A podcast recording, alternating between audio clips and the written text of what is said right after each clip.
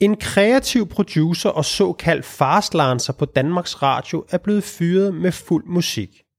Det er han, fordi han har skrevet en satirisk bog om blandt andet mellemlederlaget i Danmarks Radio.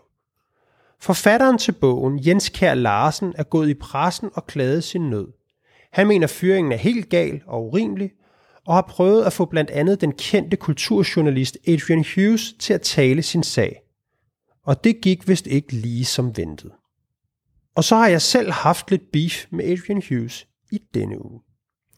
Vi skal også forbi Christian Bitz, der midt i en kæmpe kopikrise sendte et hjerte til debattør Anne-Christine Cramon en fredag aften over Instagram. Han ville gerne have dialog. Vi har spurgt Christian Bitz, om han ville medvirke i vores program. Velkommen til ugens krise, og velkommen til dig, Anna. Tak. Har du det godt? Mm, ja, jeg har det fint. Du har lige taget en lille jakke på. Ja, så er det koldt. Er det koldt her? Og så er det lortevejr jo. Men det Ja, er ja. jo danskernes svøbe. Næst efter det dårlige vejr, så er det Der er du sådan en, der, hvor, hvor, hvor ligesom dit humør afhænger ja. lidt af, af, Mega. ly, af lyset. mega, fordi, og jeg hader det. Ja. Nej, jeg er ikke, ikke bare det, men også bare det der tanken om dårligt vejr. Og vi taler om vejret hele tiden. Jeg var på, i mange år havde jeg sådan nogle, øh, en ridetur op på Island med, øh, med en masse kvinder. Og så havde vi sådan nogle rideguider med selvfølgelig. Og på et eller andet tidspunkt, så var der en anden, der hævde mig til side og sagde, I snakker jo om vejret hele tiden. Og det gør man ikke på Island, også fordi det kan ændre sig hele tiden, og der er koldt ofte og sådan noget. Men i Danmark, altså så er vi lidt for lidt tøj på, så har vi for meget tøj på. Hvordan bliver det om en time? Hvordan bliver det i morgen? Jeg kan huske, jeg var på en ferie, hvor vejret var dårligt. Jeg kan huske, altså vi, vi, vi laver ikke andet at snakke om det, og jeg kan godt, altså jeg er simpelthen selv skyldig i det. Jeg taler om vejret hele tiden. Ja, det, jeg, jeg, jeg har det sådan, jeg, jeg sejler jo. Ja, så det- så, når, så, så, ja. så, det kan være en naturlig del, hvis ja. Jeg skal ud og sejle. Men jeg prøver faktisk at gøre ja. Det til en dyd, det der med, at hvis ikke jeg skal ud og sejle, og det kan, så kigger jeg ikke på en vejrudsigt. Nej, og de der, ham der islæng, han sagde til mig, hvorfor kigger I ikke bare ud af vinduet? Og se, hvordan det er, og så opfører jeg lidt derefter, i stedet for det snak der. Det jeg mente var bare, at der er nogen, som er sådan meget Nå, lys. Hvis solen skinner, så det kommer de ind og er en solstråle, ikke? og hvis du er en efterårsdag, fordi du, nej, det altså, du synes ser jeg. faktisk lidt, Lidt hvad? sådan lidt, det keder du Hvor jeg? lidt. Nå, det er i hvert fald ikke noget med vejret. Jeg har ikke engang noget, jeg kan... Nej, nej, ikke nogen. Jeg, har fået, jeg gik til tandlæge den anden dag. Øh, jeg havde, altså, jeg har haft tandlæ, tandpine, men sådan noget, så kom det, og så gik det over. Og øh, altså, hun, tandlægen hun bare sådan, altså, den der tand, hvad fanden har du lavet, mand? Du har jo, det må have været i månedsvis, du har haft, øh, altså, den er fuldstændig smadret, og det er langt inden, så den røg bare ud, ikke? Men jeg kan godt mærke, altså, jeg har simpelthen haft så meget betændelse i hele, øh, det, det var helt vildt. Det er noget af det værste at have tandpine. jo. Ja, men det, det der er så vildt i det, det er det der med, at det kommer og går, og det er simpelthen sådan noget pust, der så ligesom eksploderer, så gør det ikke ondt mere, men så begynder det at komme igen, og så eksploderer det. Så det er gået, og da Tak man så har sådan et tandlægeskræk, som jeg har, så kan man hurtigt, øh, nå, nu er det jo væk. Hmm. Jeg kan godt nok ikke lige tykke over i den side, men så bruger jeg bare den anden og sådan noget, Hmm. altså sådan noget øh, fortrængning, ikke? Hmm. Så jeg kan godt mærke, at jeg tager lidt piller og sådan noget, fordi det der betændelse, det er som om, det, det, det skal jo virkelig væk nu. Det har været langt op i kæben, det der betændelse. Shit, mand. Så det er måske derfor, Så skal du jeg sgu da ikke sidde og sige, at du har det godt. Nej, men jeg synes ikke, jeg, der er forskel på at se ud til, at man ikke har det godt, og så mm. reelt ikke have det godt. Ja, ja, okay. Jeg har det jo fint nok. okay. Nå, men vi skal jo tale om den her øh, satiriske bog, som er lavet om mediebranchen. Ja, den hedder Mediefilajs. Mediefilej. Så han, øh, ham her, Jens Kjær Larsen, han har turneret rundt forskellige steder. Han har været på Danmarks Radio, han har været på TV2. Og han har altså lavet den her bog, øh, som, øh, som hedder Mediefilejs, og som, som blandt andet handler om de her mellemledere på, på, i de forskellige medievirksomheder. Og, øhm, og det er sgu faldet DR for brystet. De synes, de der øh, billeder af de her mellemledere, de kommer for tæt på virkelige personer. Der er nogen, der har følt sig krænket over det, den her bog. Og, øh, og Jens Kjær Larsen, han er så fyret øh, med fuld musik, kan ja, man sige. fordi han, han er bortvist. Ja, han er bortvist fra stedet. Og Det, er det er også det er jo, Jamen, ja, det, det jeg siger, det, når du, det var bare for at forklare, hvad fuld musik egentlig er. For ja. det, han er bortvist, det er jo sådan lidt, hvor vi andre tænker, stjæler kassen, mm. og altså du ved, sådan, hvor, det er sådan hvor der står og kigger dig i nakken, Ja, mens du pakker det ting, nu. ikke? Og Ja, afleverer jamen. dit kort, ikke? jo, det, det tænkte jeg, da jeg læste, okay, det er da alligevel også vildt nok, ikke? Jo, og det var sådan, altså, han, han går sådan set i medierne med historien Ekstrabladet, øh, tager historien øh, og tager ud og interviewer ham og alt muligt andet. Om, om det her med, at, øh, hvor han ligesom forsvarer sig, jeg har ikke gået efter nogen specifikt. Og, altså han synes, den her fyring, den er fuldstændig ude i hampen, Ja. den er vanvittig, og den er fuldstændig urimelig. Ikke? Og, øhm, og det er jo sådan set det, der ligesom, kan man sige, er anslaget til, øh, til, en, til en krise for Danmarks Radio. Altså, Ja, altså sige, det- ja. er I så ømskændet derude, Ja. at I ikke kan tåle, at en af jeres ja. medarbejdere lige siger noget om det? Men så drejer sagen sgu fuldstændigt. Ja, altså, men nu, hvis man lige bliver lidt i den... jeg, jeg vil da sige, da jeg læste øh, Ekstrabladet, øh, der dækning af den, jeg synes faktisk, den er, den er super fin, fordi der er, der er ikke nogen... Øh, der er ikke noget, altså de har ikke en eneste dokumentation på, at det han skriver i det kapitel om, øh, om, om, om de her mellemledere, at prøv at høre Jens, der har du altså skrevet om en, der sidder over i den der afdeling. Det kan alle jo vide, det er jo ikke særlig ret. Der er ingenting øh, at komme efter. Der må jo være nogle mellemledere, der kan genkende sig selv altså i det, men der er ikke nogen, der i hvert fald har sagt, prøv at høre, det er mig, han skriver om, øh, og derfor har jeg det rigtig ubehageligt med at møde ham på gangen. Det de, øh, det de også siger i, at... Øh, at Jens Kjær Larsen, han fortæller, at, at hans chef under den der fyringssamtale nævner Sofie Linde og MeToo-bølgen. Altså, fordi det handler jo om, at de bruger ordet, at de her medarbejdere, mellemledere må det jo være, er blevet krænket af hans bog, til trods for, at de jo åbenbart ikke kan bevise, at der er nogen specifikt, det handler om. Og de taler også om, at, øh, at det her det kan, det kan blive sådan en ny øh, Mohammed-tegningssag. Der tænker jeg alligevel, hold da op. I, nu har jeg været bisider derude et par gange her med, med kvinder, der i det, jeg har set, har ret gode, ret god, hvad skal man sige, bevisførelse for, eller i hvert fald gode argumenter for, at en eller anden mand derude har krænket dem. Det er altså ikke endt med nogen, øh, hvad skal man sige, bortvisning, fyring. Jeg ved ikke, om de har fået øh, påtaler, eller hvad hedder sådan noget, advarsler, det kan man jo ikke rigtig vide. Men der er i hvert fald langt fra at blive bortvist for at have skrevet en bog, en satirisk bog om mellemledere, til at sidde som fast øh, ansat øh, ung vært, hvor, hvor der er øh, en sag imod, og så er det dybest set bare et lille øh, sige, hey, du skal nok lige passe på til Ja, fester. det er måske lidt et stretch, ikke? Ja, det synes jeg er, jeg synes det er helt vildt det her, og, og det er jo også at tage det her krænkelses haløjsa, synes jeg, ret langt. Mm. Fordi det, Det er kan ligesom godt virke som en, en, gruppe, der en, bliver- en, en lidt behendig forklaring. Ja, altså det er jo sådan, hvor man... Jamen det, det ved jeg ikke, om det er. Det tror jeg sgu ikke, det er. Det tror jeg ikke, at den er behendig. At man har ville fyre ham alligevel. Han er, han er freelance. Altså det har man Nå, men jeg mener bare det der med, at, at man ligesom prøver at smide det ind i et eller andet større narrativ, Det- end det, det der er, som måske mere er, at der har været nogle, nogle, nogle, nogle centrale røster i mellemlederlaget, eller hvor den har været at sige, sådan en mand kan vi ikke Nå, have ja, ja, mand, og ikke? det, den synes jeg for... og, så, og så pakker man det ind i sølle, noget, ja, og, om den store krænkelseshistorie. okay, det er jeg enig i, men jeg, jeg, jeg, jeg synes, det er, altså, det, det giver bare et, et lidt trist fremtidsbillede af, at man som mellemledergruppe nu kan føle sig krænket, ja, og så, blive, og så bliver nogen, altså, jeg bliver jo lidt nervøs på, altså, hvis der er en, der øh, kommer til at lave en joke med tykke mennesker, så hvad så at sige, ja, altså, der er 20 procent her på Danmarks Radio, der er overvægtige, Dem, det kan vi jo ikke have, du går rundt og laver jokes som tykke mennesker. Men lad os lige prøve, den bliver jeg godt vende tilbage til. Men jeg synes jo, man kan sige, sagen starter sådan lidt, kunne man sige, traditionelt. Mand stiller sig frem, jeg er blevet fyret, det er urimeligt, og prøver ligesom at, at, at, at, man så må sige, at puste op til den historie, der hedder ømskindhed hos Danmarks Radio. Er det her rimeligt at få en eller anden diskussion i pressen omkring det? En del af hans strategi, ham her Jens Kær Larsen, det er jo at kontakte kulturjournalisten Adrian Hughes, og ligesom sige, kan, kan du ikke hjælpe mig lidt her, give mig lidt, øh, hvad skal man sige, lidt, øh, lidt, øh, lidt opbakning, øh, og, og det, fordi Adrian Hughes før har, øh, har talt, kan man sige, kritisk om Danmarks Radio i en eller anden setting, ikke? Og øh, det backfire fuldstændigt, fordi det får faktisk Adrian Hughes til at gå til tasterne og skrive en, en anmeldelse af den her bog, hvor den altså om nogen eller om noget for nogen på lampen. Ikke? For at være en, en dårligt skrevet bog, fyldt med stavefejl og alt muligt andet, men også for, for at sige, at, øh, at det her er en bog, som, øh, som, man, som selvfølgelig vil fø, føre til en fyring. Ikke? Og det bliver jo sådan set til en diskussion mellem Adrian Hughes og forfatteren øh, om, øh, om, hvad de har aftalt og snakket om bag linjerne og sådan nogle ting og sager. Og lige pludselig er fokus flyttet fra Danmarks Radio.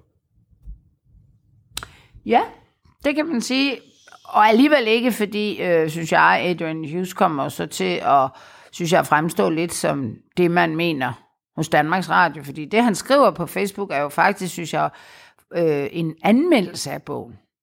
Mere end det er et øh, udtryk for, at han ikke har lyst til at bakke ham op. Det, han kommer altså som om, at altså, han kommer med et fuldstændig karaktermor på både forfatter og bog. Og det, øh, og det, det tror jeg er, og det er, altså, det er sådan lidt vildt, for man kan sige, at øh, Jens Kjær tager ham jo, kan man godt sige, hvorfor skriver han til en, der, altså det skal, for det første skal man måske lige huske, at man lige skal finde ud af, om folk reelt er på en side eller ej, før man, men, men det er jo, det kunne man selvfølgelig godt som Adrian Hughes føle er sådan et gisseltagning. Og så kunne man jo bare skrive i den der mail, prøv at høre, det har jeg ikke lyst til, og jeg synes faktisk også, at de bog er pisse dårlige. Men han, det er jo Adrian Hughes, der tager den ud i medierne. Det er ikke Jens Kjær Larsen, der siger, hey, nu vil, nu vil det er, eller nu vil en kulturjournalist, som jeg troede, vi holdt med mig, det vil han ikke engang. Så det, så det, det men må jeg ikke lige sige, at der, der synes jeg, jeg, jeg hvad, sgu... hvad er det du? Nå, men jeg sidder sådan lidt med, altså nu vi, vi har lige siddet og brugt øh, et program sidste gang, der handler om metoder og hvad der foregår bag om linjerne. Ja. Og siddet og sagt, at øh, Christiansen eller undskyld, Ulvemand og Børsting, øh, de øh, sender folk ud øh, til at invitere Anne-Christine Cramon på, på kaffe, øh, en gammel relation, hun kender, og nu skal hun ligesom over, vindes over på en eller anden side. Det skulle da fuldstændig det samme med, at Jens Kjær Larsen gør. Han ringer til Adrian Hughes og bruger en relation og prøver at få ham spændt for sin vogn. Det er det da ikke. Det er en ja, mand, der er blevet bortvist, der skriver til en kollega om, hvad han synes om det. Det har da intet med et bureau at gøre. Jamen, det er ikke. Jo, jo, men, men, men hvorfor, er jo hvor... hyret til det her. Her har vi en mand, Men Adrian Hughes skulle da ikke melde sig til noget. Hvorfor skal han ja, mobiliseres på den måde? Det, det kan jeg da godt forstå, at han, han bliver sur over. Det, det jo, jo, det, det kan det han synes du berettiger det, at gå ud og skrive det her. Det, du, jeg synes, det er helt off, at du sammenligner et, øh, et købt og betalt bureau med en mand, der er blevet bortvist. Som, som, som, som desuden også føler en ret stor opbakning fra sine kolleger. Jeg har ikke fundet nogen øh, kolleger, der er ude at skrive, at det, han ligger, som han har ret. Ikke en af dem. Og så kan man selvfølgelig sige, at det er en kæmpe fejl af, af, af Jens K. Larsen, at han skriver til en, som han, ikke, som han tror er på hans side. Men det er da ingen... Det, det, og det er da også, man kan sige, det er da fair nok, at Adrian Hughes gider gå ud og, og, og lave det her kæmpe palaver. Nu har jeg så hørt siden, at han har skrevet bagom til Jens Kjær Larsen, at okay, det var måske lidt øh, så surt, var det ikke ment og sådan noget. Så jeg synes, din sammenligning er helt øh, hen i vejret. Det har intet med hinanden at gøre. Det er jo ikke bøllemetoder, fordi man er blevet øh, ja, men jeg, jeg, Jo, men jeg synes det der med, hvis man har, det, det vi talte om i Cremon-sagen, det er, ham der kontakter Cremon, han kender hende i forvejen lidt fra Christiansborg. De har en relation sammen. Nu arbejder han for et bureau og en interesse, og kunne godt tænke sig at bruge hende i en eller anden sag, der handler om, at FH og Christian Bits skal fremstå i et bedre lys i en kamp, der foregår. Lad, mig lige, lad, jamen, lad, lad, mig lige, lad mig lige gøre pointen færdig, så man i det, det mindste kan forstå. Det er du nu prøver at sammenligne. Jo, jo, jeg tror, men, man men, har forstået, hvad du sammenligner. Jo, jo, men Adrian Hughes er ikke en part i den her sag, før han bliver forsøgt gjort til en part i den her sag. Du, du, det er sådan noget teoretisk sammenligning. Det kan godt være, det holder på CBS, men jeg synes ikke, det holder overhovedet, fordi du har et hyret kommunikationsbureau, der Det er da en ubehagelig position at stille Adrian Hughes Det er det da ikke. Han kan da bare sige nej. Hvad er det? Han er da ikke... Han er da ikke... Men, men det kunne Kramon da også bare sige. det, er da, også bare hun, sige nej. det er da ikke en mand, der er blevet fyret, der gør det her. Men hvad skulle forskellen være? Det er en sag i pressen. Kæmpe... Det er et partsindlæg. Hvorfor er det her konkret fordi, anderledes end det fordi, Kramon så kan og du da sige, hvis Ullemann jeg ringer til en veninde, og være hen til at sige at, til en anden veninde, at det er for dårligt, det hun gør, så vil du også køre sådan noget Det skal du da heller ikke gøre. Hvorfor skal, det, hvorfor skal ja, folk spændes for din vogn? Det er da ikke noget, vi bruger i kommunikationsbranchen. Sådan noget privat noget. Det her, det er privat. Jeg synes, jeg synes, det er det, der er hele problemet. Jamen, så ved jeg ikke, hvordan vi kommer videre fra. Du. Jeg er ligeglad med at sige hele det, men problemet er jo, at man bruger nogle relationer, man har, og forsøger at mobilisere dem bag linjerne. Ej, det, det var det, vi kårede på... medarbejder, at du går hen og siger, prøv at jeg er blevet fyret, og så går du hen i kantinen til en og siger, kan du ikke hjælpe mig? Det er pisse uretfærdigt, jeg ved ikke, hvad jeg skal gøre. Så kan du og sige, det er bøllemetoder. Det synes jeg da ikke. Jamen, er Adrian Hughes pointe så forkert? Altså prøv at høre her, prøv at høre, prøv at høre. Vi sidder her Nej. uge efter uge. Vi sidder, hør lige efter. Vi sidder her uge efter uge. Jeg sidder her og siger, øh, og jeg sidder og taler om metoderne over hos øh, Ulvemand og, og, bør, og Børsting, øh, de gamle metoder, vi havde nede i Gilmartin Kise, alt muligt andet. Tror du ikke, den dør er lukket for mig dernede? Tror du, jeg kan komme derned? Tror du, der er nogen, der synes, hey, når vi har hyret Lasse? Den er lige så lukket for Det er mig. det- nej, men det er du det- over det. Jeg sidder sgu da ikke og tuder. Jeg tuder da overhovedet ikke. Jeg er fortæller bare, at det har da en konsekvens, hvis man laver sådan noget som det, Det- her, og kommer med en såkaldt satire. Så er der sgu da en masse medarbejdere, der føler sig krænket derudover. Det Det, der kan jeg sgu da godt forstå. Prøv at forestille dig, hvis jeg sad nede i, øh, i et bureau nu her, og så skulle jeg lave det her program hver fredag. Hvad vil folk så sige til det? Han har skrevet, der, hver, hver, øh, der er skrevet, en, der er en fan, der hedder øh, Løg på Djøf, altså en fyr, der hedder Per Helge Sørensen, der hedder Djøf med løgn. Han turnerer rundt med et, et stand-up øh, foredrag, hvor han gør grin med djøffer og mellemledere og skidt og lort. Altså, hvad Hvor har han, han ansat hende? han er ikke ansat nogen Nå, steder. det er det, der er Men det har her. han jo heller ikke skrevet om nogen fra DR. Altså, jeg taler om, at, at når vi har i almindelig krisekommunikation, så har du altså DR som den store, og ham der Jens Kjær Larsen som den lille.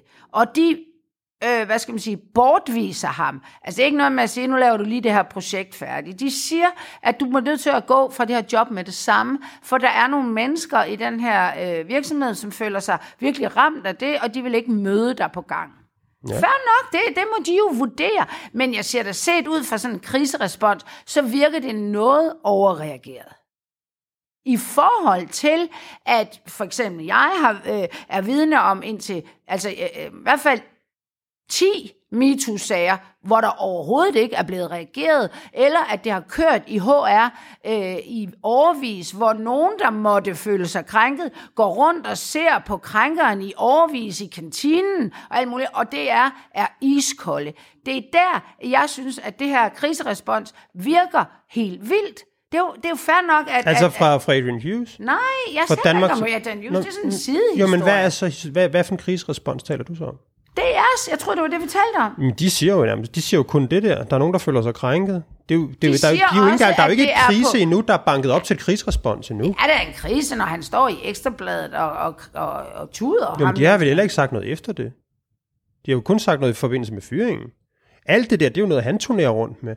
Altså, det er jo ham her, Jens Kjær Larsen, der turnerer rundt med det her med, det er synd for mig, at jeg er blevet fyret på et mærkeligt grundlag. Og sådan noget. Det, jeg synes, der er det interessante krigskommunikationsmæssige grund til, at vi taler om den her sag, det er jo fordi, at Jens Kjær Larsen, han, er egentlig, han starter egentlig godt. Han prøver at banke en sag op ude i pressen. Han prøver at ringe til Adrian Hughes, alt muligt andet, for at få det her til at fylde noget. Øh, folk på DR er utilfredse og synes, det er urimeligt, og kan man nu ikke skrive en bog, og det er ømskinnet så, så skriver han til Adrian Hughes, så begynder det at blive en eller anden intern ting mellem de to. Og lige nu er den, altså det kan jo være, der kommer noget mere, men lige nu er det jo ikke en diskussion, der handler om, hvorvidt Danmarks Radio er for ømskinnet. Nej, nej. Så derfor, Derfor er, er, synes er, jeg også, at beefen mellem de to har ikke noget med krise at gøre. Det er jo bare sådan en... det er den jo øh, blevet eks- til. Den er jo blevet banket derover nu. Nej, det er jo da bare sådan noget ekstrablads lige, hvor, hvor de tager en kendt rapper mod en kendt journalist. Det, er det synes jeg da Men ikke det er den jo også er kommet til at handle om. Den er blevet sparket derover. Den er da framed på en ny måde.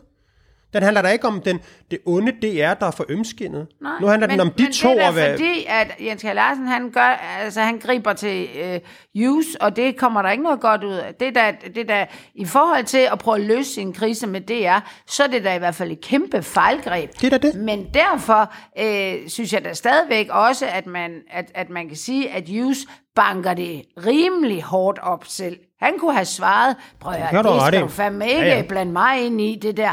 Han vælger at skrive på Facebook og kommer ikke med en forklaring på, hvorfor han ikke bare vil blande sig i det her. Han gennemhejler den, øh, den bog og siger, at øh, han skulle slet ikke have lov til at være på, på det, han skulle bare ud. Klinger der endnu værre, når han så senere skriver bagom, øh, det må du lidt undskylde, jeg, det løb vist, vist, vist lidt af med mig. Så, så jeg synes ikke, det er... Om det, en, man kan godt sige alt det der med, er det ikke lige at, altså behøver du at, at sparke til sådan en mand og komme med en, en, en, en, en, anmeldelse af hans bog på den her fasong? Det kan vi godt diskutere, men jeg synes, den der, altså den fejl, krisekommunikationsfejl, som forfatteren her, Jens Kjær Larsen, begår, det er, at han begynder at gå ud i lighed med øh, andre og prøve at mobilisere nogle stemmer. Øh, og så må han også forstå, ligesom at Kramon kan sidde og sige, Øh, det, kan jeg, det, det synes jeg fandme ikke om, og i øvrigt synes jeg, her er min mening om den her sag. Så gør Adrian Hughes jo præcis det samme. Han siger, ved du hvad, det kan jeg overhovedet ikke støtte, og her er i øvrigt min mening om din bog. Fjerde gang, vi tager den. Du får mig ikke overbevist. Jeg prøver ikke at få dig overbevist. For det første, jeg prøver, at min pointe uskik. kommer tydeligt igennem. Jeg forsøger altid at, at prøve at holde det her krisekommunikation lidt væk fra, hvad skal man sige, normale mennesker, der øh, på en arbejdsplads øh, og altså prøver at agere i forhold til, at de for eksempel er blevet bortvist. Der synes jeg egentlig, at det kan være svært at sidde og, og pop og forlange, at de skal agere ud fra en eller anden professionel krisehåndteringsmåde. Det synes jeg så til gengæld godt, man kan forlange af en virksomhed, af en kommunikationsbyrå, der er blevet hyret ind for en formue, at de skal agere både i forhold til moral, det skal, det skal de simpelthen have overskud til. Det mener jeg ikke på samme måde, man kan pålægge en mand, der er blevet fyret på, øh, og man skal bare vide, at når man er fastlandser på, øh, så, så er det altså bortvist med 0 kroner. Øh, så kan du bare og, og finde ud af, hvad du vil. Det, jeg synes ikke, det er rimeligt at, at pålægge en privatperson at, at skulle agere ud for de her. Så begynder vi som kommunikationsnørder at pålægge almindelige mennesker, at de skal øh, Altså prøv at høre, han er, han er en mand, der prøver at banke sin fyring op i pressen. Jeg har bare øh, en, øh, en menneskelig sympati over for et menneske, øh, som øh, Jamen, nu som trækker du jo også det. bare sådan et rigtig dumt kort. Altså, det handler jo ikke om, at jeg ikke har nogen menneskelige følelser for mand. Det handler om, at vi sidder og prøver her. Du sammenligner siger- et jeg sidder og sam- med en ja. mand, der er blevet fyret på godt papir. Det er det, du gør. Ja, fordi, fordi i- sagen er den samme. Man sidder, uanset, uanset om man er privatperson, eller virksomhed, eller hvor mange ressourcer man måtte have her, så er det så er det, det samme, man forsøger på. Man forsøger på at tilvejebringe øh, den historie, man gerne vil frem med i, øh, i medierne. Øh, Jens Kjær Larsen, forfatteren her, han forsøger at tilvejebringe sin historie om, at det her er urimeligt, fordi han overhovedet ikke har, han har ment no harm med den her bog. Sådan er det. Det er det, han forsøger på. FH, Christian Bitz, de forsøger Nej, at tilvejebringe det er deres pointe. og Christian Bitz, vi taler om her. De forsøger at tilvejebringe Nej, deres pointe, og de har mange flere De ressourcer. har ikke? hyret et bureau til at gøre det. Det synes jeg i sig selv er en kæmpe... Altså, Jeg synes, jeg hele den der præmis om, hvorvidt man er f- privatmand eller falsk. Altså Christian Wirtz, han får fucking også hjælp af nogle kommunikationsfolk. Enig. Altså, nej, jeg, jeg gider bare heller ikke at være med til det der med, at vi skal sidde og gøre bureauerne under, end de er. Fordi det er sgu den det samme mekanisme. De- Den ene har bare øh, så mange ressourcer, og den anden har ikke så mange ressourcer. Men det, de vil, er sgu da det samme.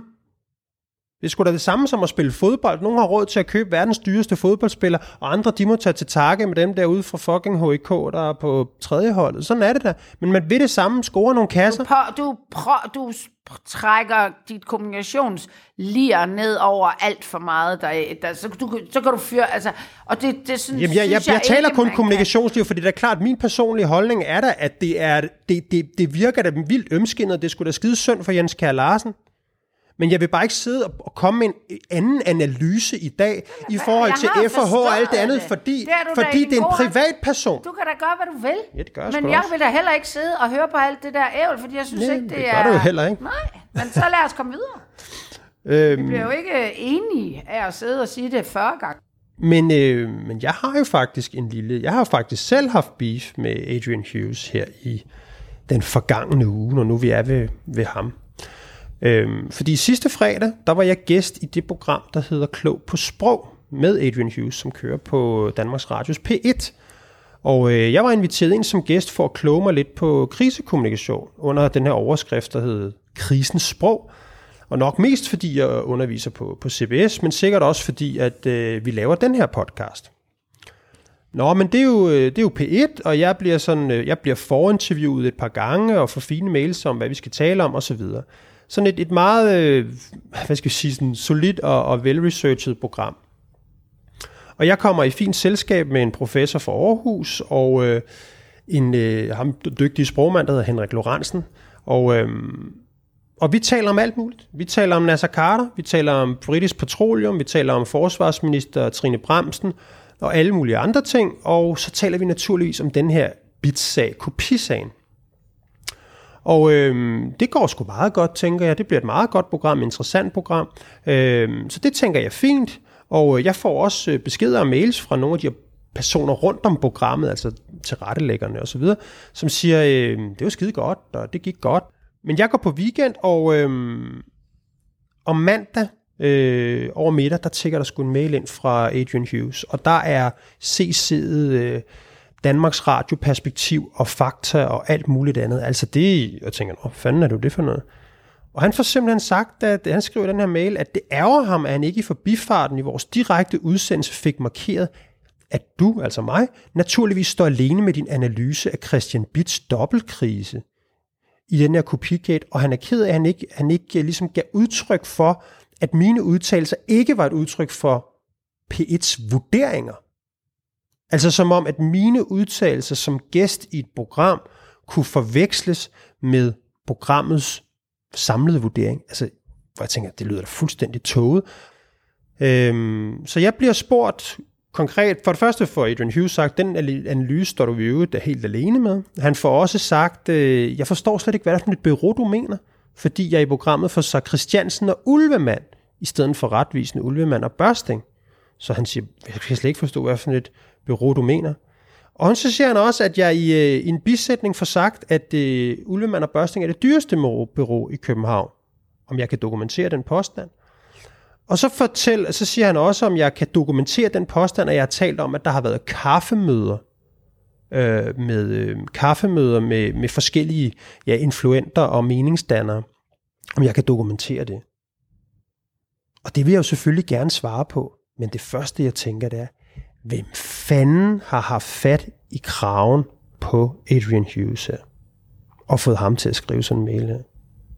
Det giver jo slet ikke nogen mening, at man bliver inviteret ind i et øh, program, som kommunikationsekspert går jeg ud fra med øh, din baggrund både fra CBS og rådgivning og måske også det her program, at man så bagefter skal hænges op på, at det man så er fremkommet med, det kan det, kan det her program jo ikke tåle at skulle blive hængt op på.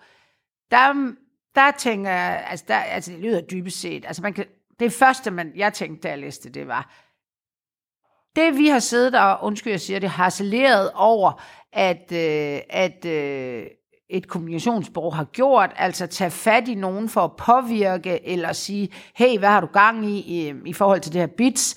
Øh, det er lige præcis det, øh, Adrian Hughes selv er blevet udsat for. Øh, fordi, hvorfor tager han kun fat i en af de her kriser?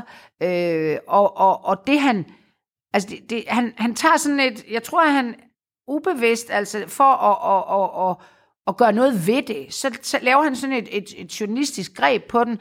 Det er som om, du har været en journalist, der er inde og fortælle en eller anden vild historie, som du ikke har noget belæg for, som du så ikke bare kan sidde og fyre af i hans radioprogram, fordi nu er det også ham, der kommer til at fremstå som afsender. Og det er jo fuldstændig falsk. Det, det, det har jo intet med det at gøre, det du siger.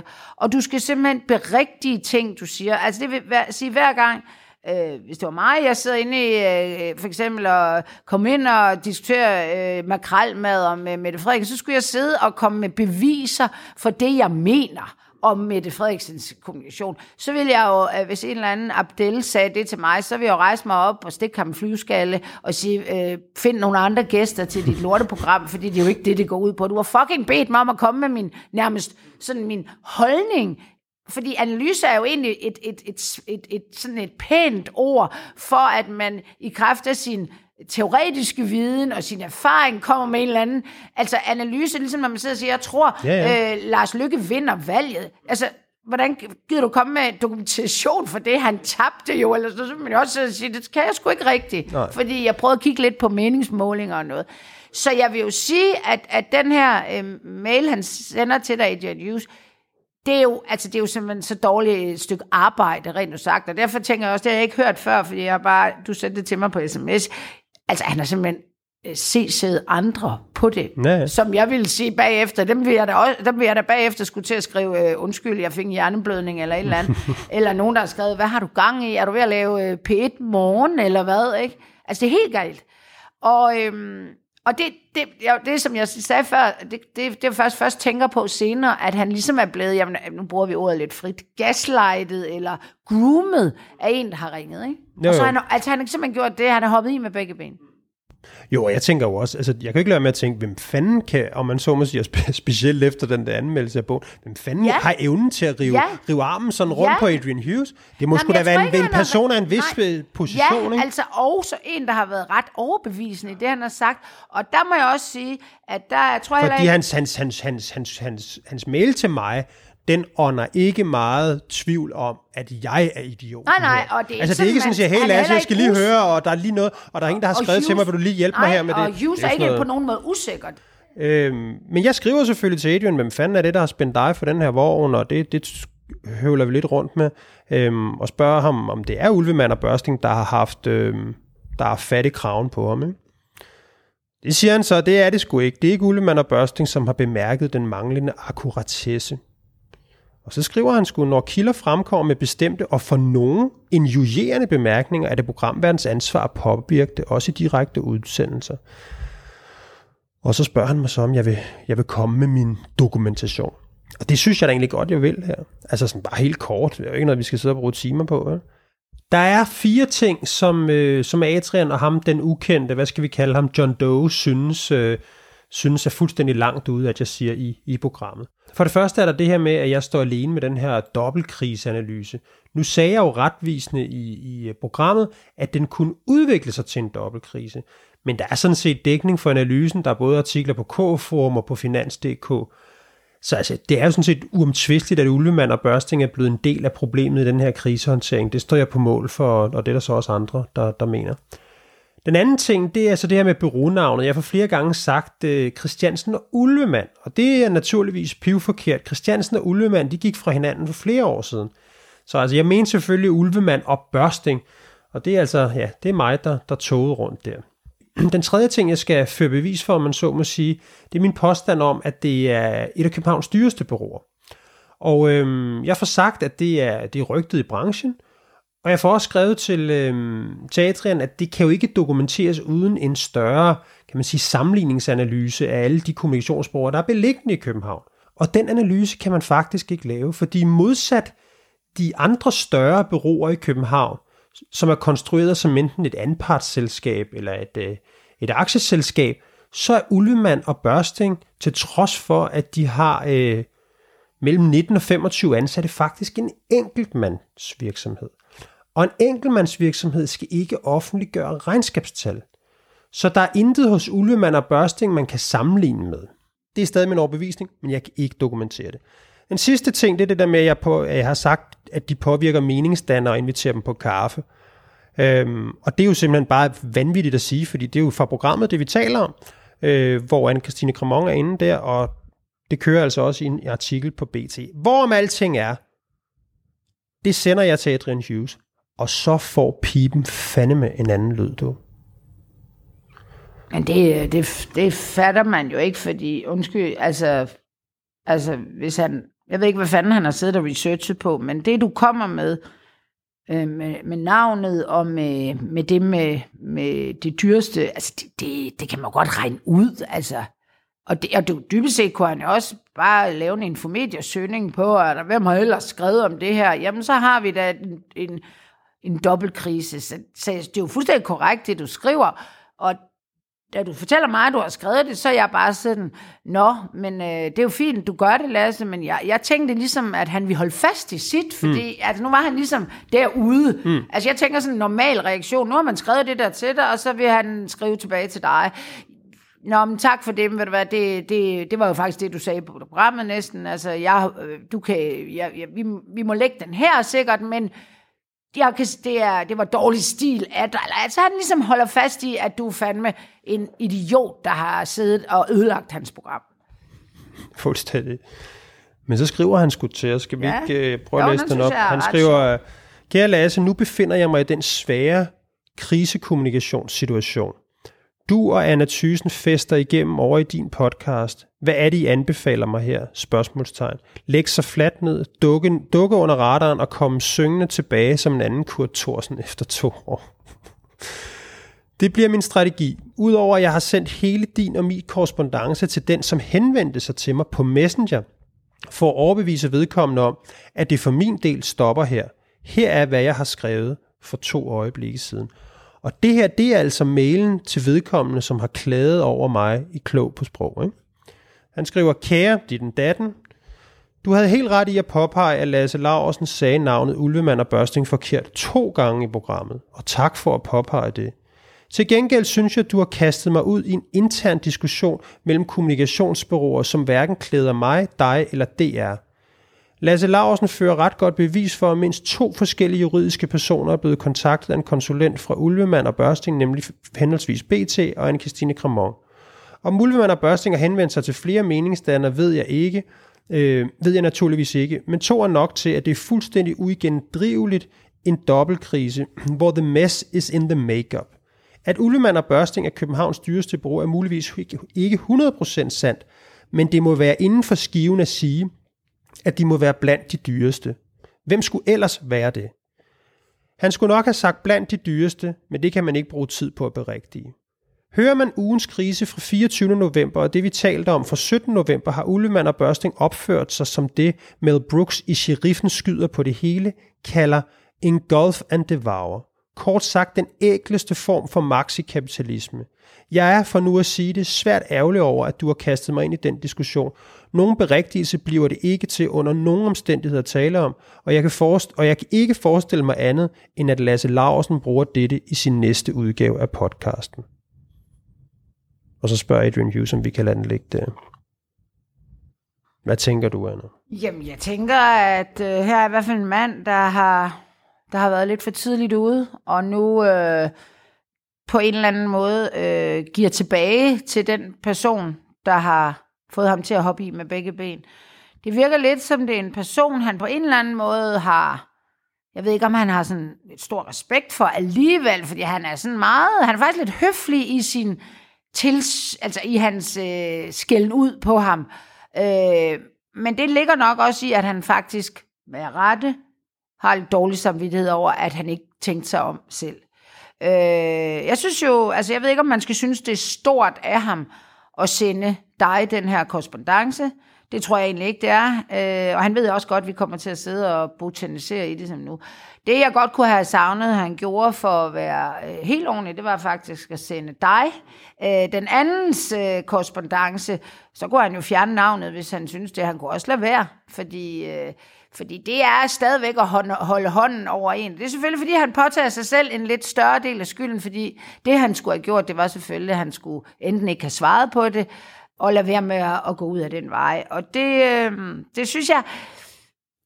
Altså, jeg synes, det, det, det, det, det, det gør faktisk vores, øh, i hvert fald min, nu er vi jo øh, måske ikke helt enige her heller, men altså, det er i hvert fald min øh, mening eller opfattelse af de her bureauer til, øh, eller nogen kommunikationsrådgiver, man måske sige, jeg tror ikke, vi kan sige bureauer, øh, at vi har jo ret. Altså, at, at man, man går den, så går den. Man forsøger. Øh, og jeg synes, det er ret vildt, at man tager en så øh, markant øh, journalist og profil, DR-profil, og prøver at få ham til at hoppe i med det her. Men altså, det vi altid siger, når vi taler om sådan nogle metoder her, så siger jeg i hvert fald normalt, at det kan godt være, at vi synes, de lyder vilde, but it works. Og det gør jo faktisk også det virkede, her, hvis det, ikke det du virkede havde, jo næsten. Ja, det virkede jo det virkede næsten. jo næsten, altså. Til, og ja, da jeg så det, det hans første mail til dig, tænkte jeg også, wow, hvad, hvad, har, hvad har vi lavet? Altså, fordi jeg tænker, jeg kunne have fyret det samme shit af. og jeg talte faktisk også med en, som sagde, nå ja, men altså, som ikke ligesom fik øh, detaljerne, og i hvert fald, det var før jeg kendte den sidste her, som sagde, ja ja, men øh, når I kommer ud i det virkelige liv, så får I stryg ud i medierne, fordi det er for vildt, det I sidder og laver. Og der var jeg også sådan lidt, åh, er det godt være, at vi skal passe lidt på og sådan noget, fordi jeg netop tænker, at jeg kunne selv have kommet ud for det. Og da jeg så ser hans øh, svar, så tænker jeg alligevel, så vi fik sku, øh, du fik sgu skovlen under det. Og det, jeg mener altså, der er to personer, og, og, og jeg, øh, og så kan, øh, jeg kan skide godt lide Adrian Hughes, men han kan selv vælge sin rolle her, hvordan han, enten er han nyttig idiot, eller også er han simpelthen i lommen på nogen, han ikke skulle være i lommen på. Og det er jo lige træls, kan man sige. Alt indtil han vender, det er det vildeste tågeri. Og han er fuldstændig, du ved, køber den der præmis om intimideringer, eller de der intimideringer, som, som sikkert kommer på ham, på ham på Messenger, lad han gå videre direkte til mig. Ikke? Der er nogen, der har beklikket Adrian Hughes. Hvordan kan du få sådan en idiot til at stille op i dit program? Hvorfor blander du dig ikke i en debat? Så den går først på Adrian Hughes. Han sender bare bolden videre til mig og siger, hvorfor fanden står du i mit program og siger ja. alt muligt shit, det... øh, uden, uden dækning for det. Da jeg så kommer med det her respons, og jeg tror da også, det har en eller anden vægt, at vi sidder med den her øh, podcast, og, og vi godt ved, at sådan noget her kan godt blive en del af programmet. Ikke? Altså, men, men, men så, så, så, så kan han jo godt se skriften på væggen, Adrian Hughes, og sige, det her, jeg har gang i, det er helt sort. Det er helt sort, fordi at han er spændt for den der vogn, og det er jo også det, han bliver sur over. Det, jeg kan godt forstå, at Adrian Hughes bliver sur over det der, fordi han er jo netop, altså der er jo en, der, altså det jeg siger, der må være en af position og stilling og magt her, som kan det her Adrian Hughes. Det er jo ikke øh, kernelytteren over fra Herning, der sidder og siger, jeg, jeg lagde mærke til, at han sagde Ullemann og Christiansen, han skulle have sagt Ullemann og Børsing, det, det er forkert. Det er, jo, det er jo nogle af dem tæt på det bureau, der har fine fornemmelser her, og som er lykkedes kvad deres position og stilling, og kunne vride på armen om på Adrian Hughes, og det tror jeg, at han er ked af. Det her, det er et klokke eksempel, klart eksempel på, at der er kæmpe forskel på strategisk kommunikation og journalistik. Mm. Og her er det journalisti, eller er det journalisten til journalisten, der taler. Det er en journalist, tror jeg, der ringer. Det kan godt være, at han sidder over i, øh, i øh, rådgiverbranchen og siger, hvad har du gang i, Adrian News? Du, alt, alt det, du lærte på Journalisthøjskolen, det har du lige fucket op med den lorte øh, måde, du lader ham sidde der og, og være injurerende uden at gribe ind. Hvad fanden laver du? Næsten kan man hmm. høre det, altså ja. uden på den høflige måde. Og så bliver Adrian, han bliver angrebet på sin faglighed. Og det vil han fandme ikke have på sig. Og da han ikke sådan kan skrive til dig, der er en, der skriver, så tager han den jo på sig selv. Og han har jo ikke evnerne til at forsvare det. Fordi han er ude på fremmed øh, jord i kommunikation. Han er ikke i journalistik her. Og det er, synes jeg, øh, jeg synes det er rart at, at øh, en gang imellem at call det her. Fordi, øh, og jeg sidder jo også med kunder, der, undskyld, jeg siger, det bliver rådgivet, rådgivet af sådan nogle gamle journalistfædre der, der, der netop er af den gamle skole, og leger, at det er sådan nogle uh, journalistiske, uh, hvad skal man sige, uh, uh, grundregler, der er i spil her. Gud ej. Det er gaslighting, det er grooming, det er helt ud i bøllemetoder. Jeg ved ikke om det her, jeg kan snart ikke finde ud af, hvad der er bøllemetoder, og hvad der ikke er bøllemetoder.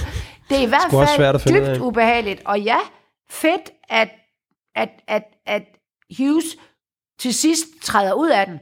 Men det gør han kun, fordi du forsvarer dig på god vis. Ellers havde du jo ikke. Hvis du nu, hvad nu, hvis du havde været sådan en lidt øh, øh, type, der ikke havde lyst til at, at, at gå op imod en eller anden øh, mister. Altså, det er der, altså, ja, hvis det var mig, jeg, altså, jeg tror, jeg håber, at jeg har gjort det samme, men, men du sidder jo og kigger på Facebook og ser, hvordan den samme Adrian Hughes, han fuldstændig flyner ud på en eller anden øh, dude, der har skrevet en bog, der har solgt 800 eksemplarer i april måned, altså 8, øh, det er jo ingenting.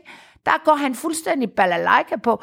Hvis man ikke vidste bedre, så kunne man jo godt sige, hold da op, det er godt nok en hissig fyr, vi har med at mm. gøre. Jeg pakker mine sydfrugter.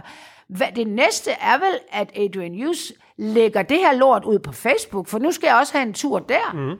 Ja. Og det gør du så ikke, men det er så også, øh, altså, og det, det, det, det synes jeg simpelthen, jeg er, altså jeg vil, hvis jeg var, hvis jeg var Adrian Hughes chef og fulgt med i det her, det kan jeg så 100% garantere, at mellemledertyperne ikke gør på det er, så tror jeg nok, at jeg vil tage ham ind til en lille kammerat i samtale og sige, hvad fanden laver du? Fordi der er en eller anden idiot, der ringer dig op, eller skriver på Messenger, at du skal, så går du ud og, og sviner en af dine egne gæster til, som du så må trække i land på bagefter. Hvad fanden foregår der? Tror du ikke lige, du skal tænke dig lidt om? Det tror jeg så aldrig kommer til at ske på DR. Fordi jeg tror, at Adrian News, han har et helt andet, hvad skal man sige, aura omkring sig derude i forhold til vores ven fra før, øh, Jens der. Han røg ud på albuer, fordi han havde krænket nogen. Han, du sidder endda og er, undskyld, jeg siger det, inviteret gæst, og får sådan en sviner af ham, som han så må trække tilbage. Altså, ser jeg ikke mig selv som en ømskinnet person, men jeg synes, henvendelsen netop, som du siger, til en gæst på den her måde, mm. Hvad fanden er det? Det er ikke måden at gøre det på. Nej, men det er selvfølgelig også derfor, du får Altså, jeg, altså jeg, jeg tror ikke, han er typen just, der giver en undskyldning, men det kunne han Nej. faktisk godt have stukket dig. Har du godt at komme en undskyldning? Altså, jeg kan godt, Ja. hvis to flasker vin... Og jeg sådan tror ikke, nogen af os, vi bliver faste gæster i uh, Klog på Sprog. Jeg tror, det var en engangsfornøjelse. Ja, jeg været der en gang også, det er vist det. Og jeg kan da godt... Øh, men, men, men, men det er jo ikke noget offerkort. Jeg synes bare, det er fantastisk, at vi sidder og toger rundt i, hvad bureauer bruger af mærkelige metoder, og så fyrer de den lige af over for Adrian også, der hopper i. Det er også meget sjovt, vi havde den sidste uge. Ikke? Altså, der, der er to ting, der er sjovt. Det er for det første, vi snakkede om bølgemetode sidste uge. Bang, så kommer der en klokkeklar bølgemetode nu her i dag, ikke? eller i den her uge. Så er der den anden med dobbeltkrisen.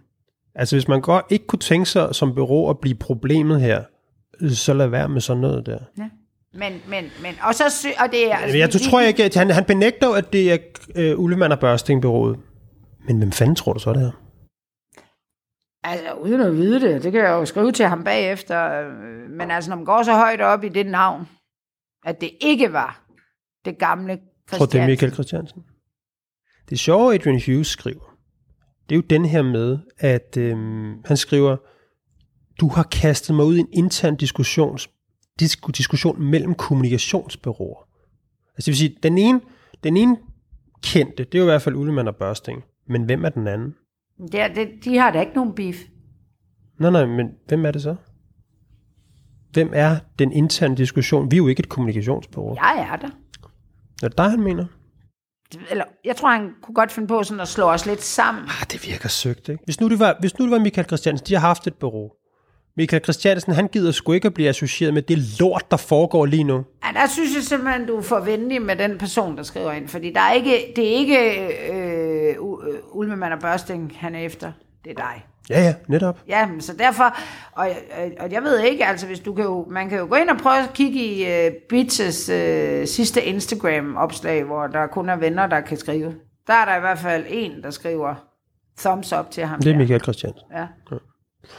Og, øhm, Og, og så det der internt mellem bureauer, jeg tror måske, det kan godt være, det er lidt søgt, men jeg tror egentlig, at det Adrian uh, Hughes mener, det er sådan noget, at vi sådan nogle kommunikationsdudes, du er en kommunikationsdudes, de der børsting, uh, Ulvemann er dudes, det, ja, det, nu er jeg endt i en beef mellem jer, fordi det han ser også, det er, at vi går efter de her bøllemetoder hos mm. nogle bureauer eller hos nogle Ja, ja. rådgivere. Så jeg, jeg tror mere, det er det, end det er den person. Fordi hvis, hvis det eneste ærne, den person havde, det var at blive, jeg skal ikke blandes ind i det her, fordi... og men jeg, en, der også kan lide dem, ikke? jo, det er det, Altså, jeg det, mener. men det er det, jeg siger, men, men, men det kan nogen- godt være en, der både siger, jeg vil, jeg vil ikke have mit Ja, navn fedtet ja, ind i ja. det, og samtidig siger, og i øvrigt er ham, jeg ham Lasse, han er en Ja. kæmpe hegn, og Ullemann og Børsting er gode, og det er mine venner, fordi jeg sidder stadigvæk i firma med Jeg dem, tror, skulle jeg til at det Adrian Hughes mener, det er, at han føler, at han er kommet i klemme mellem næsten dig og mig, og det er, og det er fordi, vi har gået på dem øh, et stykke tid nu. Og han er ikke kommet en skid i klemme. Men tror du, det er Michael Christiansen? Det, det er, jeg har ingen anelse. Nej, nej. Jeg, det kunne, det, jeg tænker igen, at det ikke er en, øh, måske Hør her, det, er- det er nød på... Nej, nej, prøv at høre. Nu, det bliver totalt gætværk og alt det der, men, men Adrian Hughes, han vil gerne udlevere hele mig og hans samtale til vedkommende. Det er mig og Lasse sidder og skrevet om. Jeg spørger, om jeg kan få deres. Det kan måske også stille Adrian Hughes et lidt dårligt løs, kunne man forestille sig, til at starte med. Jeg tror mere, det er den årsag. Jeg tror, det er mere det, den her årsag, han ikke sige det. Men, men, men, men bare for at sige, men den person, den person, der, der har skrevet, synes jeg også godt, man må antage, har en vis position og stilling. Altså, det er ikke hvem som helst, der kan vride armen om på Adrian Hughes på den måde. Nej, som, du nej, selv det er jo- siger, som du selv siger, det er journalist til journalist. Øhm, så er der noget med det her bureau, som vi måske ikke bliver så meget klogere på, men, øhm, men det er jo ikke her hvem som helst, nej, men det, der kan lave det her stunt her. Men det er, altså, det, vi er jo enige om, at det er, det er øh, ned ad den samme gade, som vi talte om i sidste uge. Jeg vil sige, at efter vi har, vi har mm, altså været med til at tale om, øh, om Mulvand og Børstings rolle i det her, øh, der er der, der er der blevet tavs hos mig på Messenger. Altså, der er ikke nogen, øh, der er ikke nogen, der Altså, der er ikke nogen, der tør, tror jeg, skrive hverken godt eller skidt til mig. Fordi de ved jo, de ender herinde. Ikke? Det, det, det er så måske lidt overreageret af dem. Mm. Har ved du, høre noget sjovt? Du noget sjovt, jeg lagde mærke til, sådan lige på datadelen. Sidste gang, der lavede vi jo det her afsnit, hvor vi laver det der Facebook-opslag, ikke? Og så, øhm, så normalt så får det, vi får sådan lidt skiftende likes og sådan noget. Vi fik faktisk ikke særlig mange sidst i forhold til, hvad vi plejer at få. Og vi, der skrev vi Christiansen og, og Børsting i opslaget, og ligesom, dem skulle vi snakke om. Lyttertallene, De var kæmpe. de var gigantiske. Altså det der med, Man vil ikke støtte os, man vil ikke, øh, man vil ikke, kan når man vil ikke vise, at fedt nok, at jeg støtter ugens krise og sådan noget, fordi branchefolk derude, det er sådan, ah, øh, vi skal lige, du ved, det, er, det er jo de vigtige drenge herude, mm. ikke? Øhm, og, øhm, men, men, men, der, men, men lyttertallene, de talte altså for sig selv, ikke? Altså vi lavede, jo, vi lavede jo et program, der var vildere, end da vi havde Jes Dorf ind. Ja. Og det her, det bliver øh, da også og vildt. jeg har da også fået et par beskeder fra nogle gamle kollegaer, og sådan noget, som, men som er sendt på direct messenger, ikke? Altså, de er ikke sendt, det er ikke, det er ikke inde i kommentarfeltet, de siger, hey, fedt nok, Jeg eller, har, jeg har fået en, der fra en, fra en, en tidligere medarbejder, Gilman Kise, der blev, var ansat øh, under Peter Gold, og mm. var, da hun hørte vores, øh, hvad hedder det, øh, podcast der, der kom hun i tanker om, det har hun slet ikke tænkt over, hun er ikke i, i, på bureau mere, øh, at han har sagt det der, den der, altså alle har ret til god kommunikationsrådgivning. Altså sådan, sådan en, vi er faktisk ude og gøre alle en tjeneste og sådan noget. Og det havde hun ikke været enig i, fordi hun, har, hun havde åbenbart nogle sådan lidt stærkere værdier end Peter Gold og visse andre. Øhm, så hun har sagt, det synes hun var noget bullshit, og så har de haft en kæmpe diskussion om det. Og hun havde ikke givet sig, men hun havde selvfølgelig tænkt, okay, det er ham, der er chefen, så det er nok det, øh, den... Øh, den måde, de kører det på her i Bixen, ikke? Og det har hun sådan helt glemt, at han havde været kæmpe fortaler for. Og det tror jeg bare, hun synes var lidt sjovt i forhold til, det er også ham, vi har været efter med Lufthavnen og med Falk og alt muligt, at, øh, at det er en, øh, og hun beviste jo ligesom, at det er den, en ledelsesmæssig måde at håndtere det og have hvad skal man sige, hvis vi skal skære det helt ud i kar, øh, pap, øh, af moralske kunder, hmm, eller sådan ja, noget. Det er ja. at sige det Våben Prøv at høre, alle, tobak alle har ret til det her. Mm, ja. Og det er det, hvor jeg kalder mig, jeg trækker lige øh, den beskikkede forsvar Ja, ja. ikke? som jo er fuldstændig en syg sammenligning. Ja, netop den, hvor Ja, vi bor i en retsstat, har alle klar til for ja, men det, nu kan vi begynde at tale MeToo igen. Ikke? Alle har ret til at have et fedt job i mm. tv-branchen, uanset hvad de har gjort. Og det har der faktisk, der har jeg nogle advokater og nogle kombinationsrådgiver, og 43.000 i Herning, der støtter mig ja. på. Så derfor er det sådan. Så jeg synes, det er nogle sjove mekanismer. Så det er faktisk den eneste øh, kommentar, jeg har fået, og jeg, jeg mødte en på, øh, jeg, jeg gik hen ad Stor Kongsgade. Øh, Jeg gik sådan, jeg, jeg var på cykel, og jeg skulle den anden vej, den er jo ensrettet, så jeg trak på fortorvet, hvilket er mega irriterende, fordi ingen kan komme forbi og alt muligt. Og der går der en, dig. som fra bureauet, øh, fra et bureau, øh, som jeg også kender, og vedkommende gik skulle lige over på den anden side af gaden, på den der måde, I ved, sådan, wow, jeg skal lige over og se Ja, på den butik der, som vedkommende har slet ikke øh, øh, hang til at gå derover. Nej, nej. Men, øh, og det virkede, det var, det var godt lavet, hvis du hører det, så er det godt lavet, fordi jeg, jeg, jeg, jeg, jeg tænkte faktisk først over det bagefter, at, øh, at det var sgu da for ikke at møde mig. Mm. Stød. Og fordi det var det der fortov, så der kunne vi nærmest ende op i min cykelkurv, og så blev vi jo nødt til at tale. Så der man var begynder også, at øh, være i- sådan lidt uleset i Ja, branchen fuldstændig. her. Ikke? I går, øh, der var jeg nede på det der Broens Gadekøkken, gik jeg ind i det der Harts bageri der, ikke? Ja. Og så ham, der har, ham, der har ringet til Kramon. Nede han- var han der? Jamen, han, han var der. Nå. Men, men du, jeg, har, aldrig- jeg har jo aldrig set ham før. Jeg ved bare, hvem han er, og var inde og se det der billede på, han, på hjemmesiden Så- af ham. Så jeg kunne godt kende ham, ikke? Og så, så kigger jeg sådan, så ser han mig. Så altså det, det giver sådan i ham. Altså man kan se, det er ligesom om han har lige set Ja, en eller anden, spøgelse sådan en eller spøgelse sådan eller sådan noget. noget, ikke? Hvor jeg bare tænkte, Hvad sagde der ikke? Hvad sagde du? Nej, jeg kender ham jo ikke. Nej, men også... Men jeg var også selv lige sådan, jeg gik jo bare forbi. Jeg skulle fandme det ind er og have min, Spandau, hvor man ikke? godt lige kunne have sagt, hvad, hvad så? Kører det for dig? Dig, der ringer Jamen, det vil jeg- sådan noget vil jeg aldrig gøre. Tog du lige en mere for holdet? Nej, ja, sådan vil jeg aldrig gøre. Nej, men jeg siger, det vil man jo ikke, men det når man jo heller ikke Oh, tænke. Men det var mere det der, sådan han var sådan, altså Ja, du ja. ved, det der... Ja, ja, altså... Jeg, Jeg synes, jo, jeg synes jo, altså det der med, at vi sidder og begår, det er der jo også nogen, der nogle gange har skrevet til, at vi begår en eller anden form for bashing, det synes jeg faktisk er fuldstændig forkert. Hør her, vi havde ikke siddet i det her program og talt om, om fortsat med at tale om uh, ulvemand og børsting og alt muligt, hvis ikke det er fordi, I turnerer rundt og intimiderer Adrian Hughes ja. og prøver, at- og han sender bolden videre til mig. Det bliver en del af det, fordi det sætter en streg under det, der var, var vores pointe, sidst. Det var bøllemetoder og alt det der, der foregår bag om linjerne. Og den her uge, der kan vi så sætte en streg under det. Ikke? Og det er også bare, jeg synes jo, den person, der har henvendt sig til Adrian Hughes, hvorfor fanden skal det foregå bag linjerne? Det er det der med, man bliver inviteret ind til et eller andet møde, så er der sådan, der er nogen, der har klaget over dig. Hvem? Hvem? Det kan vi ikke, Ikke? Altså, og så er det der også nu med Adrian Hughes. Hele vores korrespondence, ja, den er ryger bare til klassisk. vedkommende. Ja, det, der havde været uh, Hughes' måske vej øh, fra start, det er, hey Lasse, jeg har fået den her fra en eller anden dude, Øh, og så havde jeg nok også sendt med, hvem det var. Har du et svar på det? For jeg skulle sådan lidt, øh, er det det ene eller det andet? Men det, der er fejlen, som Jus gør, nu tror jeg, han må, jo når han hører det her, må han ned med, med at være træt af os, det er jo, at han, han tager den på sig selv. Jeg mener det her. Da du går ud af det program, mm. der er han bare, hey, hey, vi ses. Altså, der, er der, han har ikke tænkt en skid over det. Og det er, jo, det er jo fair nok, i princippet, at få en klage for en, men så skal man jo enten, hvis ikke man selv lige kan se, hvad det er, så skal man enten sige, tak, øh, jeg kigger på det, hej hej. Eller også så skal man sige, nå, men jeg taler lige med Lasse om det, så send lortet videre til dig og sige, hvad siger du? Men det er ikke det, han gør. Hæ? Han tager den på sig. Og det er jo det, der med, i gåseøjne er godt arbejde af ham, der ringer, eller ham, der skriver. Fordi det er det, han ønsker. Det er ikke, at, at, at det er ham, der kommer i klemme og bliver sådan messen. Altså, han får, han får gjort Hughes til messenger boy på det her. Hmm. Og det er lige præcis den, de arbejdsmetoder, de er så skide gode hmm. til. En lille sidehistorie. Der i fredags, der skriver øh, Christian Bitsch jo til øh, Anne-Christine Cramon, efter hun har På været med i vores Instagram. program på Instagram. Han sender hende det her hjerte. Det bliver en BT-historie, at han ligesom skriver til hende en fredag aften. Hvorfor gør han det? I, i, han, er, han er i sit livs krise. Han har siddet og sagt, det er mega hårdt, og han kan ikke komme ud for en dør. Og nu sådan helt overskudsagtigt, så sidder han en fredag aften og og, sender sælger, love, eller man og sender er noget love det, til hende. mener, ikke? Sender noget love til hende, ja. ikke? Øhm, og det bliver, den, den historie kan man læse om i BT. Men, men, øh, men det der er ved det der, vi inviterer jo Christian Bitz ind. Ja. Vi spørger jo, Christian Bitz, kan du ikke tænke dig, du, du vil gerne, øh, han skriver til Cramon, jeg vil godt øh, have dialog og forståelse og alt Ja. muligt andet for min, mit synspunkt i sagen. Og vi siger, som, det, kan du, det kan du komme ind og få her. Du kom ind i vores program, kom ind, øh, det bliver stille og roligt, lad os snakke om det. Vi har ikke hørt et pip fra ham.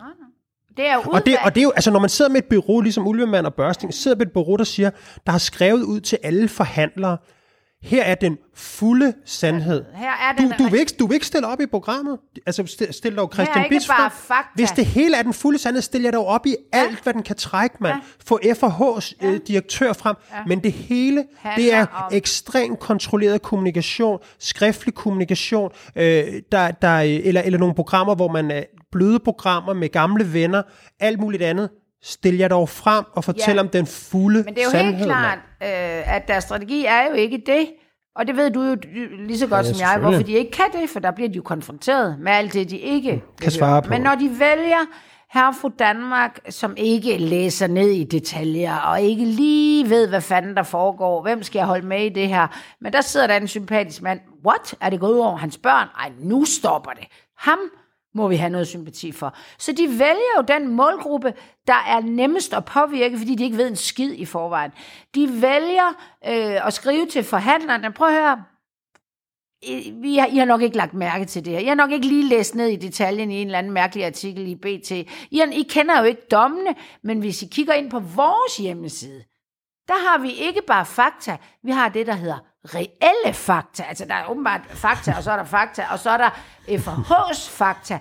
Og det, så gør vi det meget nemmere, når I nu skal lægge jeres ordre ind, hvor I lige måske lige har tænkt, ah, de der FH og bits, er det ikke lidt mærkeligt? Nej, så kigger I ind på vores hjemmeside, for der er alt tilgængeligt for jer på en nem måde, så I ikke behøver at besvære jer med alle mulige mærkelige medier.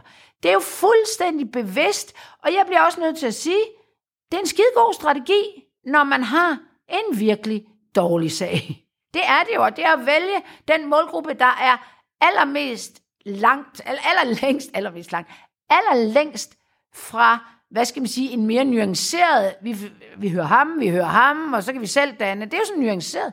Og det er jo det, der er kimen til fake news, det er det, det, det, at, at en, en stor spiller hmm. øh, påtager sig sandhedsrollen, og så henvender sig til dem, der ved allermindst om sagen. Ja, på sådan en lækker, overskuelig, sådan visuel lidt. Du måde. skal ikke? slet ikke øh, bekymre dig om det her. Og det synes jeg er skide ubehageligt. Og, men det er det, der er byråer og rådgiver. De er sat i verden for det her. Den måde, de berettede beretter det over for medarbejderne, det har vi så fundet ud af, det vil jeg sige, alle, selv FH og BITS, de har selvfølgelig også råd, øh, behov til, til nogen. Og så har vi, øh, så har vi øh, skruet bare prisen op, så, så forstår øh, vores kunde her jo, at det er en lortesag. De, de står i lort til halsen. Jeg har jo selv stået der med bureauer, når vi står med sådan en lortesag, hvor moralen også er til at lukke op og skide i. Der står man jo og siger, prøv, I har en lortesag. I har ikke mange at gøre. I kan gøre det her. Og det kommer til at tage 100 år. Det er så løgn tit. Det er faktisk ret nemt at gøre, for der er kun én vej. Det kommer til at tage 100 år. Og det bliver rigtig dyrt, fordi vi skal sætte de aller, aller klogeste. Det er så løgn, vi skal sætte de allermest amoralske til at gøre det, men det er også de dyre, ikke? Altså, det, det, det er noget, det er noget gakkelak Altså, det er sådan, man, jeg sad derinde og tænkte, hvad fanden, jeg har ikke gået på den der skole. Altså, jeg synes simpelthen, det lød så dels ubehageligt, jeg synes faktisk også, det lød dumt, indtil jeg fandt ud af, at det er den type rådgivning, de her virksomheder vil have. Fordi der er ikke andet til dem. Fordi os andre, der prøver at sige, prøver at forholde dig til sandheden, øh, bla bla bla, og se den der mand i de store, han er den lille, læg jer den ned, stik ham nogle penge, køb rettighederne til det skide stil, bita, eller hvad hedder han, Vyrt, han, kommer, han kan lave et nyt stil, og så må han, altså, kom nu ud af det, for helvede. Det vil de ikke. Og hvis du vil have de hårde hunde, og du har en, en lortesag, og du ikke vil lægge dig ned, det er vel der, vi, vi er med, med FH, at de ikke jeg vil synes, lægge jeg synes bare, jeg synes bare, der er sådan, der er sådan et eller andet efterhånden der med det der, nogle af de der bureauer, hvor jeg siger sådan, altså, de, de, de er altså lidt for meget med til os at skabe et image af sig selv, ja. som være sådan nogen fra en eller anden Tom Clancy-film, ja. ikke? Men uh, Anne, vi skal jo også tale om vores kære sponsor. Hello to the not so freshios. Ah, der er jeg sgu for øh, lojal. Altså det, mm. det, det, vi har talt om det så tit, øh, og jeg ved ikke, hvordan det går med Hello Fresh efter deres major fuck up, eller hvad det nu var, mm. i forhold til, at, at deres leverandør ikke havde... Øh, altså, havde, altså simpelthen havde fros, sendt det her frosne andebryst ud mm. og ændret datomærkningen, fordi at det havde været frosset ned, så kunne det selvfølgelig mm. holde sig noget længere. Ja, ja. Det, dem har de så fyret, og øh, det tror jeg, altså det gjorde de jo efter, vi lavede sidste uge, så vi havde det ikke med. Og, og det var endte jo med at være OK krisehåndtering. Og så aner jeg simpelthen ikke, om de har haft øh, tror jeg ikke, der- kundeflugt eller noget. Det kan ved vi ikke. Det ved vi ikke noget om. Men øh, ja, selvom jeg er købt og betalt, så må jeg sige, at jeg er rimelig, øh, jeg, jeg, jeg er en glad kunde, selvom jeg er købt og betalt.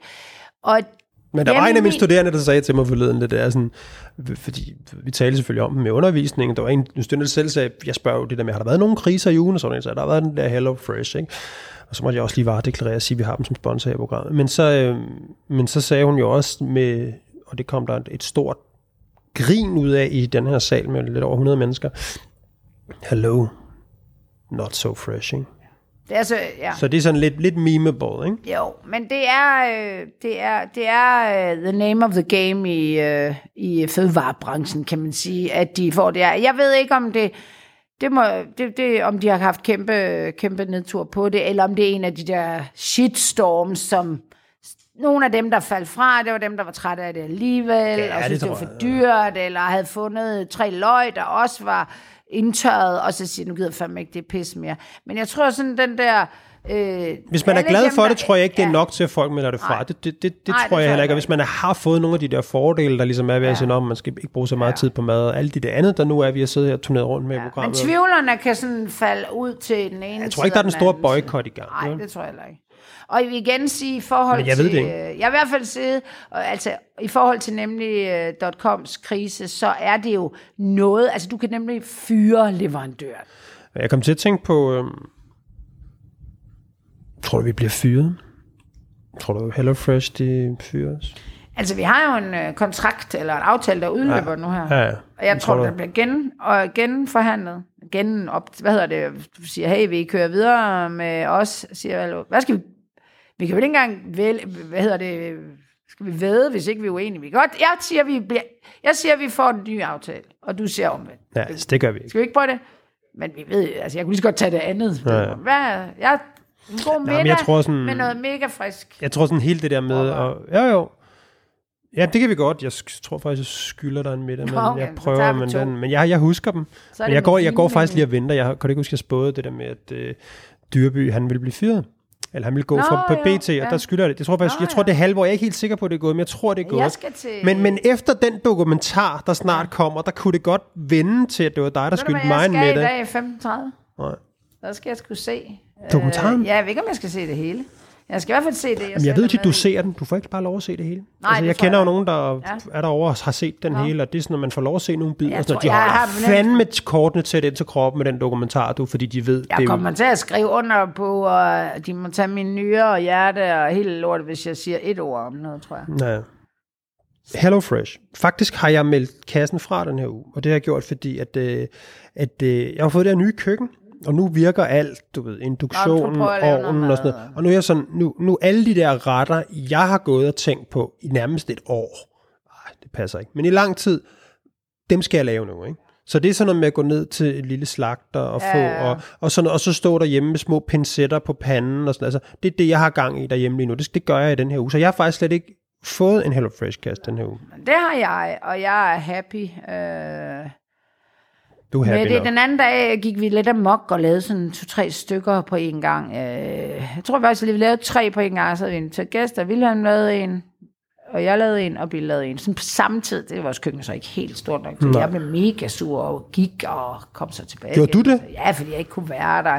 Fordi Bill sagde, at jeg ikke... Han er sådan en, der vasker op undervejs, og jeg er sådan Ja, en, der stiller ned i vasken. Det kan godt uh, give lidt... Uh, fordi han skal bruge vasken til, til synes han, til sådan mad, mm. og så skal der ikke stå alt muligt klamt opvask i den. Øh.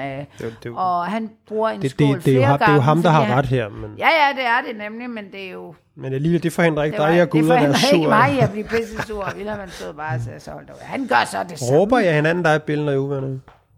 Kun dig. Du råber lidt. Ikke noget specielt, Det men er. William gjorde da det samme som mig, men han, holdt, han var bare sådan, han er jo farsdreng, så der fik ikke, han er jo kun 18 år, så han Holder de samme mod dig derhjemme? Hvorfor noget? Holder de samme mod dig? Nej, jeg er også den hårdeste. Det kan jeg godt, jeg kan godt forstå, at de gør det. Nå. Faktisk. Jeg holdt aldrig nogen, der holder med mig, men jeg er også en hård banan. Jeg fører den bare af, og I skal kræfte bare. Jeg gør så også det ubevidst nogle gange. Jeg, bare, begy- jeg sætter det, framer dem jo, som om de holder sammen. Så begynder de vel at gøre det, når jeg har sagt, hvad med jer to, mand, røvhuller og Mm. Jamen, det er ligesom den der- mænd, man, I ligger på den skide sofa, mand, og der er der, hold kæft, det der Champions League. De ser det, når vi spiser, hvad, hey, så du Ronaldo scorede, og hvad sker der med Koeman? Barcelona, tabte fucking i går til, altså, vi snakker, de snakker om det der fodbold hele tiden, og jeg er bare sådan, hvad? Og så snart, og de siger, du snakker bare arbejde, så vi er øh, lidt på kant øh, tit. Der er en rabatkode her, den hedder jo i vanlig stil ugens krise, så man kan gå ind på hellofresh.dk, skriv ugens krise, så får man rabat på, ja, på de første fire kasser, 30% på de to første, 10 på de to næste. Giv, giv, det, et- giv det et forsøg, og, og øhm, så tror jeg ikke, man skal være så bange for at få noget ompakket kød. Det har kørt som perler på en snor indtil videre i hvert fald. Men Anna, vi skal jo til at slutte programmet. Vi har optaget i vanlig stil ekstremt længe. Og øhm, vi ville jo egentlig gerne have snakket om Inger Støjberg og, øh, og Christiane Ja, faktisk meget- Christiane Vejlø, hun fik jo sådan case. en på, Ja, øh, på Sinkadusen af Altså, Inger nu skal vi jo ikke... I kan, s- hvis ikke man har fulgt med i den, øh, og selv siddet på sidelinjen og, øh, og lavet nogle popcorn, så prøv lige at gå ind på øh, Inger Støjbergs øh, Facebook-profil, nu gør jeg lige nu, og så læs den. Den ligger stadigvæk øverst. Det er den tre dage øh, gammel øh, opslag, hvor hun øh, går i rette med en, der faktisk går ud og forsvarer øh, Inger Støjberg. Jeg vil ikke, øh, vi tager den jo ikke nu. Men på de her tre dage, der er der 35.000, der liker den, og det og 4,4 kommentarer. Og det, jeg har kigget på det, det er overvejende positivt. Men Har du set inde på Christiane Vejløs? Nej, Det er sådan noget 40 ja, likes. ja. Hun begår et kæmpe salgmål, hende der Christiane ja. Vejlø, i den der. Også, også, også i hele hendes... Altså hele det der bagefter, sådan noget med at prøve, ah, hun har misforstået, og sådan, altså det, det, hun får slet ikke, mm. hun får slet ikke løftet den der agenda, vel? Hun kommer ja. til at fremstå som sådan en, jamen, som det hun bliver anklaget for, nemlig sådan en, en, øh, en krænkelsesparat, øh, Kvinde. Lidt, ja, en krænkelsesparat kvinde, ikke, der går i alt, alt, alt for små sko, ikke? Og, og også i hele hendes forsvar, det Nå, der med... jamen, jeg, det er jeg faktisk ikke... Øh, men det, jeg tror ikke, vi har heller ikke tid til at, nej. at, at, Men at, kig på at, det. at gøre så meget ud af det, men det er jo det en... er faktisk sådan lidt et skoleeksempel på, øh, hvor, hvor altså en eller anden øh, sag, øh, man selv banker op, og så misforstår man en masse ting, og så ender det nærmest som en, øh, Jamen, jeg tror, en shitstorm. I hvert fald. Det ender i hvert fald som en lovestorm. Mm.